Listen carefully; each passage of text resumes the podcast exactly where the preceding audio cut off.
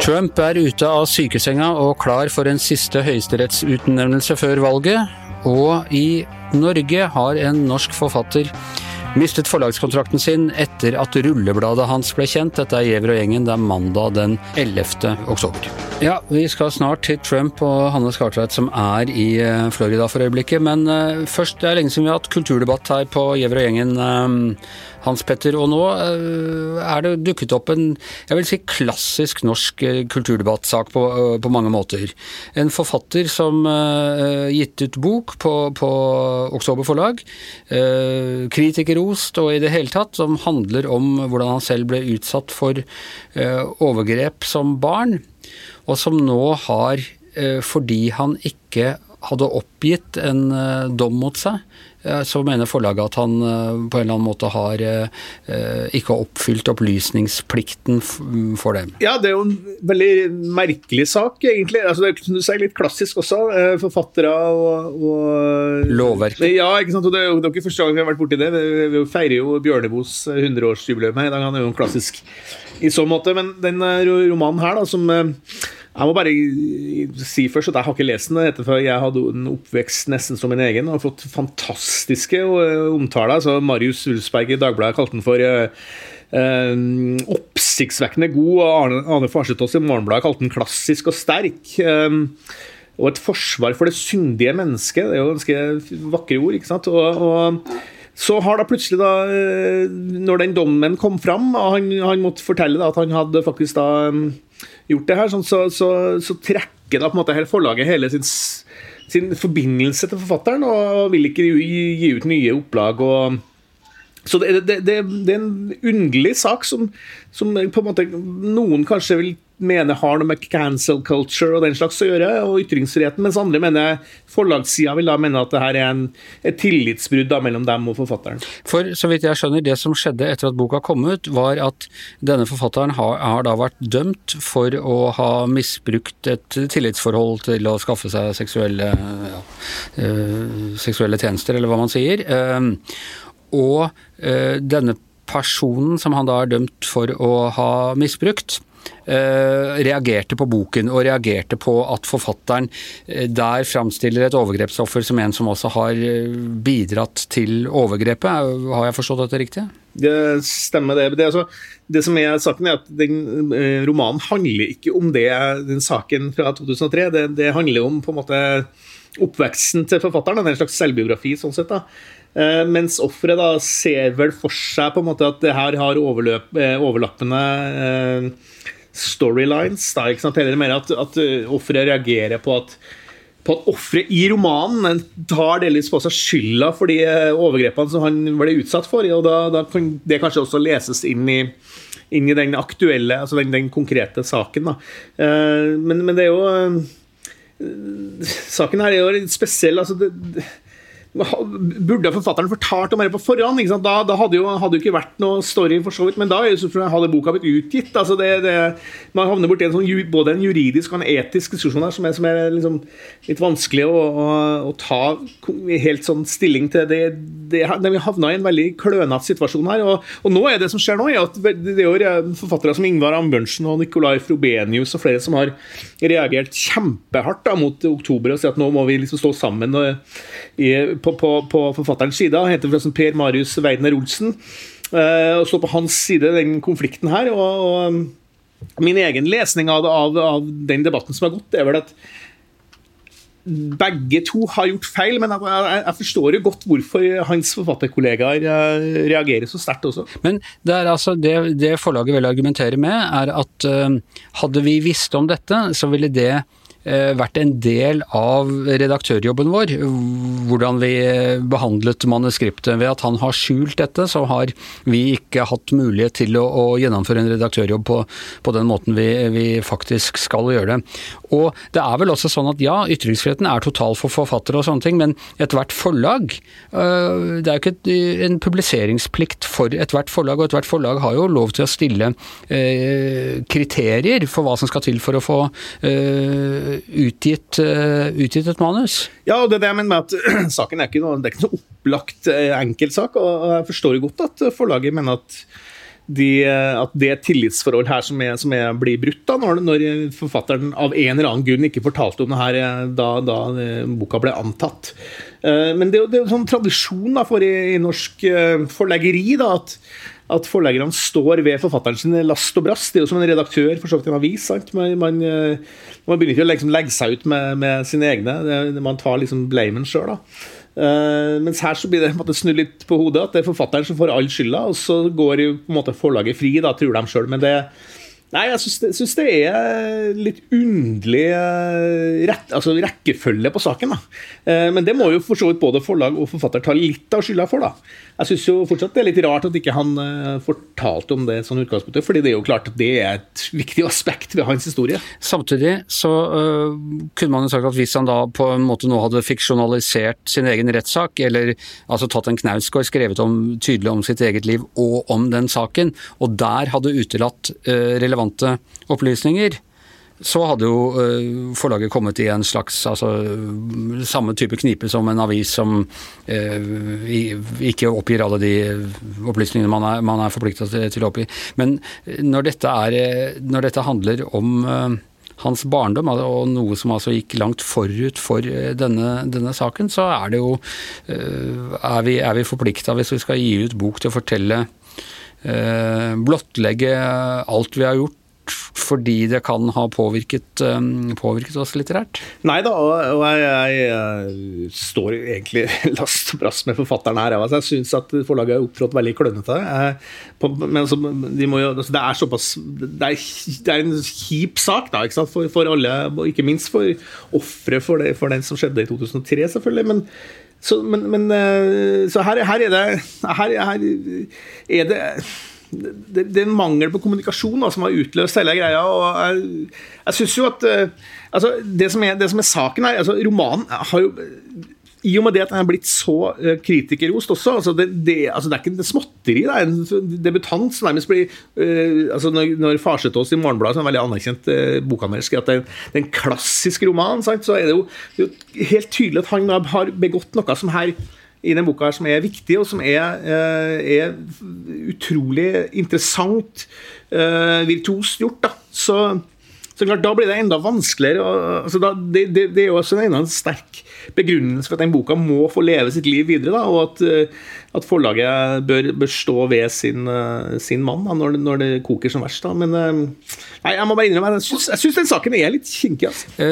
Så har de jo da heller ikke trukket boken. Den har kommet i, i to opplag, så vidt jeg forstår, og er tilgjengelig også som e-bok. Og de har jo også sagt at om andre forlag ønsker å overta den, så skal de komme til en eller annen ordning der. Så noe, noe struping av ytringsfriheten er det dog ikke snart. Nei, synes, skal du lese den? Ja, jeg skal lese den. Jeg, jeg, fikk jo veldig lyst til å lese den. Jeg har virkelig liksom, gått litt inn i den saken. Jeg synes jo det er altså, en, en roman eh, på en måte Hele, hele begrunnelsen for å skrive litteratur handler jo på en måte om å, å å fortelle liksom, den komplekse veven altså det som er godt og vondt, og det som er lydig og syndig i, i livet. Da, er, og, og, En sånn bok som her uh, virker på meg som, som til tross for alt det der som, som ligger rundt i selve saken, som en, som en uhyre interessant fremstilling da, av, av, hvordan vi opplever det som eh, ja, Noen karakteriseres som en, et overgrep, mens da kanskje andre opplever det i litt andre termer, som i hvert fall når man er ung. Da.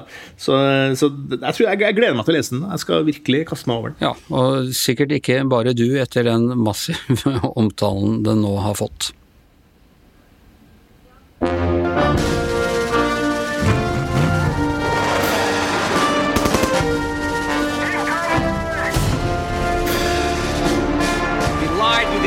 Joe Biden is a weak person. Ja, Ketil Raknes, første gang jeg var og snakka med deg her for en måned siden, så var det 30 sjanse for at eh, Trump ble gjenvalgt. Nå er det 14 Ja, eh, kampanjen går helt åpenbart ikke i Trumps retning. Men jeg tror vi skal likevel huske på at vi snakker om sannsynligheter. Så hvis du spiller russisk rulett med Si at du har ti kuler i magasinet, så kan du si at ca. to av de vil kunne liksom drepe deg. Så, så, det er fortsatt ingen grunn til å si at dette er avgjort, eller at dette på noen måte Det er bare sånn at per i dag, sånn meningsmålingene ligger, så ligger Trump dårligere an nå enn han gjorde da vi snakket sammen for en måned siden. Og så har han, han har hatt noen uker med dårlige nyheter. Ja. Skattesaken til, til, New York Times, og så kom uh, debatten som han ikke gjorde så god figur, og så det at han ble smitta av korona. Men nå, når han er ute igjen, vi kan diskutere hvor frisk han er, men nå er det vel sjanse for at ting går litt mer hans vei også? Ja, men det viser jo også det, i, i, eh, forskningen så er vi ofte opptatt av det vi kaller dagsordenseffekter. ikke sant? At Hvis de tingene vi snakker om favoriserer den ene eller den andre siden og Trump har jo først hatt en skattesak, han gjorde det veldig dårlig i debatten. og klart Trump er ikke immun mot med negativ mediedekning, han heller, for det påvirker spesielt disse uavhengige og de som er litt grann, eh, eh, i tvil. Så det han trenger nå, er jo en lengre runde med mer eller mindre positive nyheter. Men sånn som han oppfører seg som kandidat, så er det veldig vanskelig å se for seg at han skal kunne klare å være disiplinert nok til å beholde fokus på en sak over tid. F.eks. da nominasjonen av en ny dommer til Høyesterett. Nå så vi at visepresidentkandidaten hans, eh, Mike Pence, han eh, oppførte seg mer som en tradisjonell eh, sånn Ronald Reagan-aktig republikaner. Ja. Kan det hjelpe til å dra inn noen av de mer moderate stemmene? Jeg, jeg, tror ikke det, for Trump tar så mye plass, og det, det er han liksom alle forholder seg til. Men det Mike Pence viste, er at Trump har jo på ingen måte en uforsvarbar posisjon. Altså Det er mulig å være republikaner og, var, og, og, på en måte ha argumenter som på en måte altså mulig, Men det Pence sleit mest med i debatten, var jo Donald Trump. Ikke, ikke de politiske resultatene i seg sjøl, men det at Donald Trump var, var kandidaten. Hva er det beste som kan skje for Donald Trump nå? Det beste som kan skje. Jeg tror jeg kan være type altså Nå, nå, nå håper jeg ingenting her, men det er klart en, en, større internasjonal krise, terrorhendelse, den typen ting, vet vi. altså Det han trenger, er sånn rally around the flag-effekt. Så hvis det skjer noe som på en måte får amerikanerne til å ønske seg en veldig sterk leder Men det har vært hans strategi hele tiden, nemlig å, å, å fyre opp folk i forhold til demonstrasjoner og det som skjer i amerikanske byer og sånne ting. Men det er klart, det kan igjen endre narrativet. Og ikke minst, skulle Joe Biden få covid-19, så vil vi jo plutselig være i et helt annet landskap. Ja, det var eh, Ketil Laknes, og da har vi kontakt med selve hva skal vi si, selve valgmannsstemmepinjataen i det store amerikanske presidentvalget. Hanne Skartveit, du er i Florida? Jeg er i Florida, i Orlando, der Donald Trump senere i kveld skal ha et rally. Og Florida er, som alle vi presidentvalgnerder godt vet og husker, det er den kanskje aller viktigste staten. Hvis Trump taper Florida eh, på valgnatta, så har han vel i realiteten tapt. Og det var den eh, staten som George W. Bush vant med 536 stemmer i år 2000, og som gjorde at han vant hele valget. Ja, det er veldig spennende å være her. Da jeg sjekka inn på hotellet i går, så var det en veldig søt, hyggelig dame bak disken som gleda seg sjukt til å dra på rally i morgen. For henne i morgen, altså i dag. Eh, og beskrev hvordan hun skulle ha på seg T-skjorta og capsen. Hun hadde mye mer Donald Trump-gear enn det. Hun skulle virkelig dresse seg opp og var veldig happy og veldig fornøyd med at vi kom og skulle dekke det, for dette var en bra ting. Ja, og hun var da altså Trump, hun, skulle, hun, var ikke antifa, hun skal ikke kjøre motdemonstrasjon? Nei, på ingen måte. Hun var veldig Trump, og hun sa at han er den eneste vi kan stole på som du virkelig som sier det han mener. Han er ikke styrt av noen andre, han er eh, genuin og lar seg ikke kjøpe av noen. At han sier det han mener og ikke lar seg styre av så mange, det kan vi vel være enige om noen og enhver. Ja, hun sa han var jo litt unpolished, polished. hun sa hun skulle ønske at han kunne være litt mer polert, men allikevel så var hun veldig glad i han. Nei, men jeg er enig, jeg. Han sier, han sier det som ligger ham på hjertet til, en, enhver tid. Og um det som ligger ham på hjertet nå altså Vi, vi har nå snakket med, med, Ketil Raknes. Ting går ikke bra framfor meningsmålingene. Du skrev en veldig god kommentar om dette på lørdag som, som folk bør lese. Men nå eh, det er eh, tre uker igjen til valget. Eh, han er oppe av sykesengen, og nå setter han i gang med noe av de tingene som kan få ting til å gå i hans favør, nemlig det å Eh, få en, eh, en konservativ dommer eh, inn i Høyesterett? Ja, det, høringene starter i dag, nå om en halvannen times tid når vi snakker nå. Amy Coney Barrett, som da er en veldig konservativ dommer, glitter glitrende jurist, det er alle enige om. En av de skarpeste juridiske hjernene i USA, mener mange hun er. Men hun er altså, tilhører veldig, et veldig strengt religiøst eh, miljø. er Eh, ansett for å være en knallhard abortmotstander, eh, og er virkelig det eh, veldig mange på konservativ side av abortmotstandere ønsker seg fra Trump, som er grunnen til at veldig mange stemte på han i 2016, og kanskje vil gjøre det nå. Og hun må da altså godkjennes av, av Senatet, og det er en høring i justiskomiteen, og der har eh, republikanerne det flertallet som skal til for å få henne godkjent. Det var noe snakk om at noen av disse senatorene var koronasjuke og ikke kunne komme. Hvordan, er, hvordan, hvordan ligger det an? Ja, men da sier de at de kommer til å komme om de så må ha sånn eh, månedrakt på seg som, eh, som Armstrong hadde han gikk på månen, at de skal møte opp. Nå har de vel fått to republikanere over på demokratisk side som ikke vil, men det holder fortsatt ikke. De har flertall fortsatt, men jobber jo beinhardt. Demokratene må prøve å få flere republikanere over, men det ser jo mørkt ut for det nå. Men også, det begynner jo å Man merker jo at det er en ny tone fra republikanerne i Kongressen. Mitch McConnell sier rett ut at han har ikke villet besøke Det hvite hus for, for lenge pga. smittefaren. Denne stimulipakken som Trump eh, plutselig eh, eh, presenterte, avviste de tvert. Er det noe tegn til slitasje i rekkene som kan påvirke utnevnelsen av høyesterettsdommeren? Det er i hvert fall slitasje i rekkene. Om det ut, påvirker utnevnelsen av høyesterettsdommeren er jeg mer i tvil om. Men f.eks. ser du at Trump-kampanjen har trukket seg ut av veldig mange vippestater ved reklamespotter som de har bestilt for millioner av dollar. Mange mener at det er for at de har dårlig råd, at kanskje en del donorer vender dem ryggen. Eh, og det er klart at det er etter den siste uka, da Trump ble syk og denne kjøreturen og alt det vi har sett forrige uke, med hvordan han har håndtert sin egen sykdom, har skremt veldig mange og gjort at en del folk får litt eh, enda mer eh, tvil rundt hans kandidatur. Men de er fortsatt lojale, de aller fleste. Og så En ting til Hanne, i forbindelse med dette, som, også, som Pence kjørte Camilla Harris ganske hardt på, som kanskje førte til hennes dårligste øyeblikk under debatten, det er påstanden om at en demokratisk at Biden vil stoke eh, the Supreme Court eh, hvis han vinner valget. Hva mener han med det? Hva er det det går ut på? Det går ut på at de siste 150 årene cirka, så har det vært ni dommere i Høyesterett. Alle forholder seg til at det er ni dommere i amerikansk høyesterett. Så er alltid spørsmålet er det fire, fem, fem, fire. Hvordan går stemmegivningen? Men dette står ikke i Grunnloven at det skal være ni dommere. Man kan endre det, gå til Kongressen. Og det skjedde faktisk i 1937 med Roosevelt, som da hadde fått uh, stansa noen deler av sin New Deal. Og da forsøkte han, han gikk til Kongressen og forsøkte å utvide antallet dommere med opptil 15 dommere totalt istedenfor ni. Det ville ikke Kongressen. Også hans egne partifeller sa nei, du kan ikke tulle med institusjonene sånn.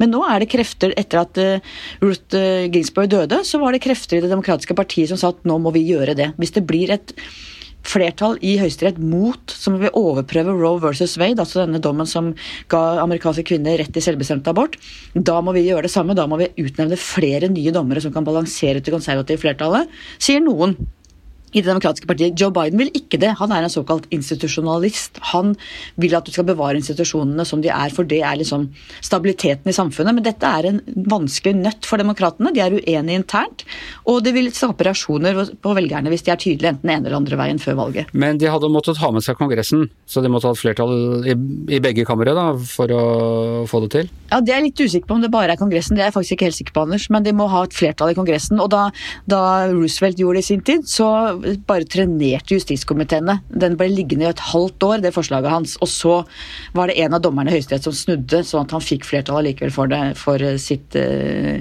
syn på New Deal.